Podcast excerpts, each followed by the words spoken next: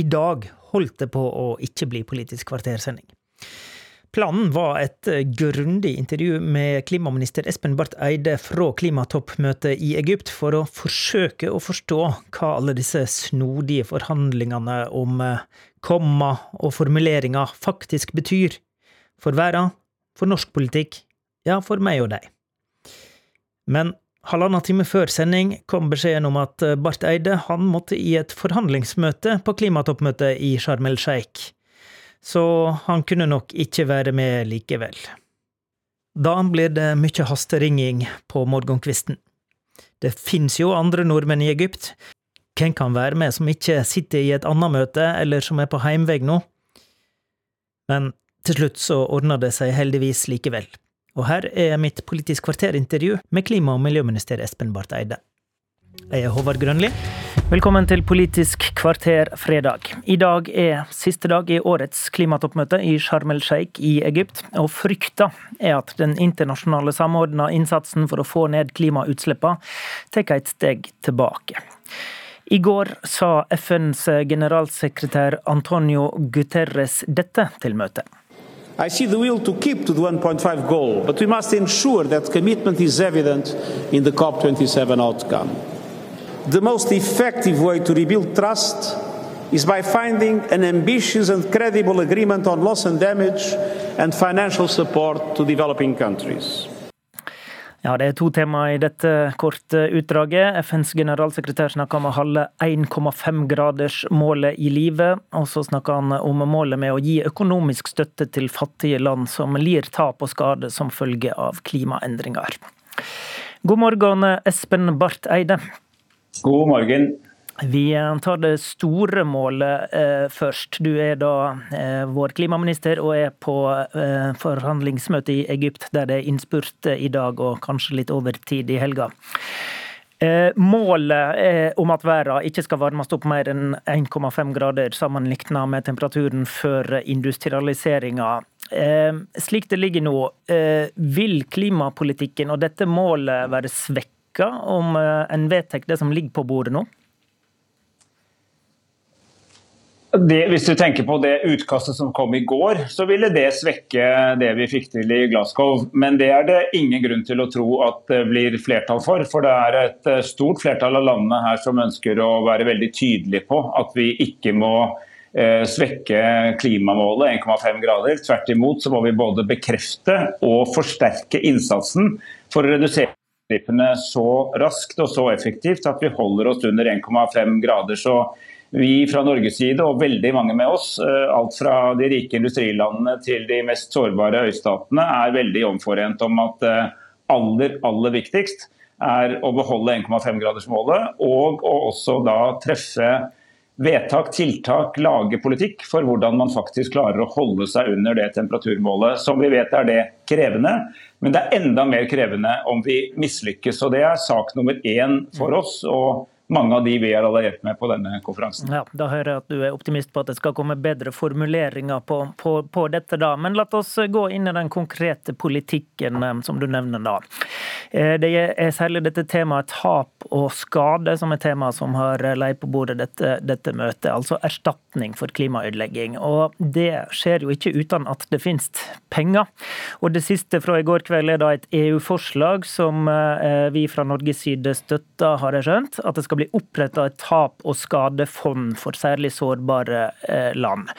Er det mulig nå at en reiser hjem fra Egypt og har bestemt at det blir etablert et slikt globalt fond?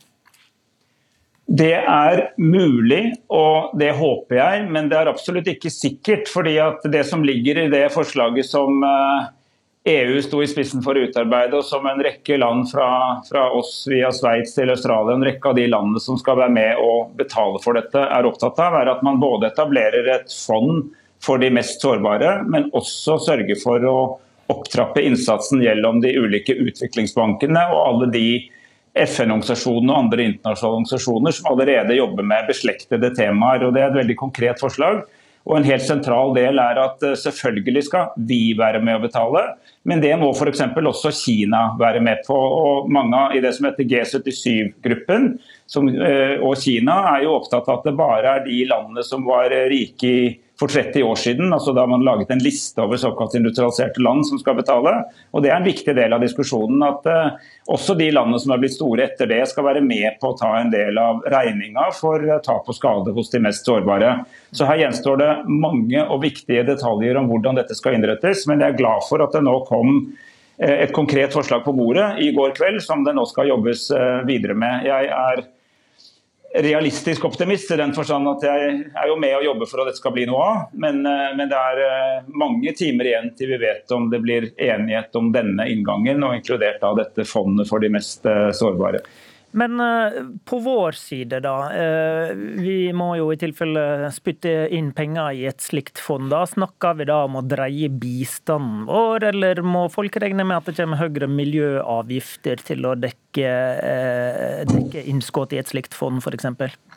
Altså her snakker vi jo om bistandspenger grovt definert. og Vi har jo allerede annonsert i fjor på Glasgow at vi skal doble vår innsats for klimafinansiering. Det kom nettopp en studie av noe som heter Carbon Tracker, som er en veldig anerkjent NGO som følger følger disse klimaforhandlingene, som sa at eh, Norge og Sveits er de to landene som gjør det aller best på klimafinansiering. og vi skal altså gjøre det bedre enn det. Så det kommer ikke flere miljøavgifter for folk flest for å få til et slikt fond som ligger på Nei, dette fondet har ingenting med miljøavgifter i Norge å gjøre. Eh, det er en helt annen diskusjon som har med vår hjemlige gjennomføring av vår miljøpolitikk. Så det er viktig å ikke blande sammen de to. Her snakker vi om internasjonal støtte, og som, altså det som vi grovt sett kalle bistandsinnsats. Skjønner. Nedfasing eller utfasing av fossile brensler er et eh, viktig tema på møtet du er på. Eh, det som ligger på bord eh, nå med dette, dette mm, utkastet som du sier ikke er helt bra, da, det, det sier at en skal nedfase bruken av kål og, og, fase ut ineffektive subsidier av alle typer fossile, fossile brensler. Så har India foreslått en tekst som går lengre, nemlig nedfasing av alle typer fossilt. altså altså også olje og gass. Um, først kan du forklare oss, som ikke er inne i disse FN-møtene, er det en reell forskjell på nedfasing og utfasing? Begge deler signaliserer jo utvikling i samme retning. altså At man gradvis bygger ned bruken av fossil eh, energi til fordel for fornybar, eller i hvert fall uh, energi uten utslipp. Det kan jo inkludere både fornybar, atomkraft og blå hydrogen, altså eh, hydrogen skapt fra naturgass med karbonfangst og -lagring. Eh, og, det er det mange av landene, ikke minst de industrialiserte landene og de mest utsatte landene, som er enige om at vi bør ha tydelige formuleringer på. Så har det vært mye snakk om et eh, såkalt indisk forslag. Det var egentlig noe som ble brukt litt retorisk fra India, som har vært skeptisk til utfasing av kull, og som på en måte skulle snu snu spillet og si at hvorfor ikke alt sammen. Men da har mange av industrilandene sagt at ja, men egentlig er det jo det vi mener. Vi må ha en systematisk overgang til en uh, utslippsfri energisektor. Ja, Støtter, støtter jo... Norge den tilnærminga i de forhandlingene som går nå, nå inn i innspurten? Ja. Så vi, oljenasjonen Norge, vil, vil ha en slutterklæring som sier at vi skal fase ut olje? Ja, det er jo fase ned som er ordet som står uh, ja, nemlig, som det, det teoretisk kan bli. Jo, nei, nei, men uh, hvis vi skal nå 1,5-gradersmålet, så må vi jo til slutt fase ut all bruk av fossil energi. Det har vi jo sagt lenge. Det er jo ikke mulig å, å ha liksom, mange mange tiår med dagens bruk av fossil energi og holde seg under 1,5-gradersmålet. Poenget er ikke så mye formuleringen på, på, problemet er mer det arbeidsprogrammet for faktisk å få opp alternativene raskt nok. fordi eh, 80% av verdens energisystem er fortsatt fossilt. De aller fleste investeringene i dag går mot fornybar, men vi har masse det er masse historikk, det er veldig mye. Det er hvordan man liksom, lager mat i ulike land, det er hvordan man lager kunstgjødsel, det er hvordan du driver industri, det er transportsystemer. Men uh, hvis disse, eh, Norge ja, og, støtter en slutterklæring som sier utfasing av all fossil energi, hva betyr det for vår rolle som produsent av olje og gass? da? Det betyr at vi må være en av de produsentlandene som sammen med bl.a. De forente arabiske emirater, som er inne på noe lignende, som skal være med i den store omstillingen som altså ikke skjer ved at vi bare kutter produksjonen her og nå, men som skjer ved at vi altså sørger for at energisystemene der ute i verden, altså alle som bruker diesel eller bensin eller naturgass eller oljeskip eller kull til energiforsyning eller kull og koks i industriprosesser, at det etter hvert erstattes av noe annet. Og Da må man jobbe med etterspørselssiden. Og så vil selvfølgelig tilbudssiden også ha med dette å gjøre. og Derfor må man ha en helhetlig samarbeid om dette. I Europa skjer jo dette allerede. EU har nå vedtatt det som heter Repower Europe som er nettopp en plan for en raskere utrulling av fornybar til erstatning for fossil. Og vi er jo også tungt inne på både utvikling av havvind, av utvikling av hydrogen, utvikling av ammoniakk til skip, eh, til å fjerne fossile reduksjonsmidler i industrien, og etter hvert også lage kunstgjødsel på nye måter. Det er jo dette som er svaret. Så den hjemlige diskusjonen om å bare skru av olje- og gassproduksjonen, den er litt meningsløs i forhold til at det er altså brukssiden som først og fremst må endres. Og det er det altså mange land her, inkludert noen av de mer progressive fossilproduserende landene, som ønsker å være med på. Takk for at du var med i Politisk kvarter, Espen Barth Eide. Du får springe videre i neste forhandlingsmøte. Jeg skjønner det er mange av dem. Hør Politisk kvarter som podkast når du vil i appen NRK Radio. I dag er det møte om den omstridte lakseskatten mellom finansministeren og de fem største oppdrettsselskapene. Eller vent nå litt, blir det møte? I går sa de store nei takk. De vil heller eh, sende bransjeorganisasjonen til møte med Vedum. Og det forklarte administrerende direktør Geir Ove Ystmark i Sjømat Norge slik i debatten i går kveld.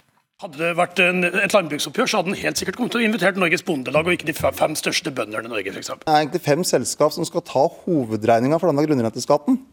Da syns jeg det var naturlig at alle fem fikk lov til å komme på det møtet. Eh, og Dette er litt av hersketeknikken eh, Trygve har brukt i debatten. Han prøver å lage et bilde av at det er fem bedrifter som skal betale skatten, men dette er en grunnrenteskatt som belaster alle selskap som er over en viss størrelse. Det var Geir Ove Ystmark og Trygve Slagsvold Vedum. Politisk kommentator Lars Nehru Sand, hva i alle dager går for seg her? Det er en maktkamp og en interessekamp. Det er press mot regjeringen på den ene siden, og så er det en regjering som prøver å få en høring på rett spor og se fremover på den andre siden. Men uh, disse bedriftene som da ikke vil møte Vedum, uh, svekker ikke de litt argumentet om at regjeringa ikke forstår det, hvis de ikke vil møte dem og, og, og prate om det engang?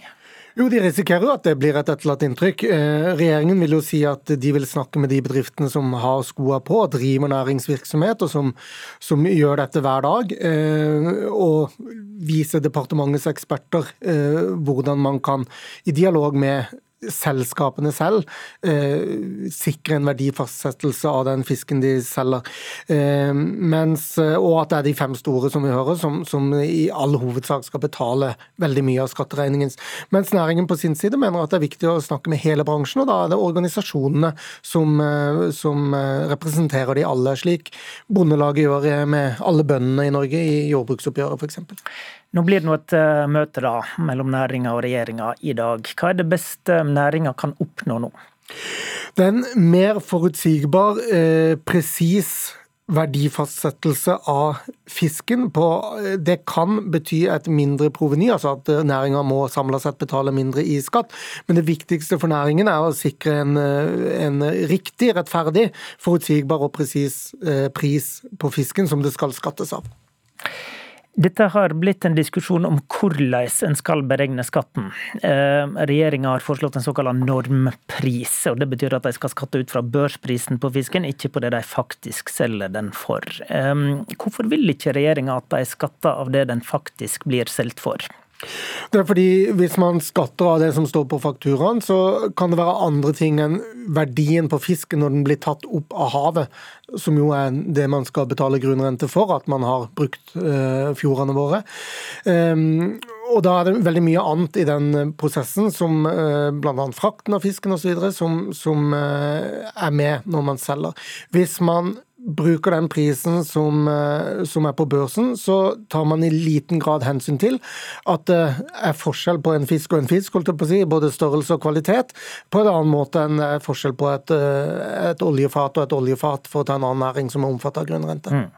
Tidligere i uka var fiskeriministeren Skjæran på besøk her i Politisk kvarter. Han hadde problem med å svare på om han var tilfreds med innretninga som eh, Vedums finansdepartement har lagt opp. Hvorfor eh, er det vanskelig for ham å svare tydelig på det?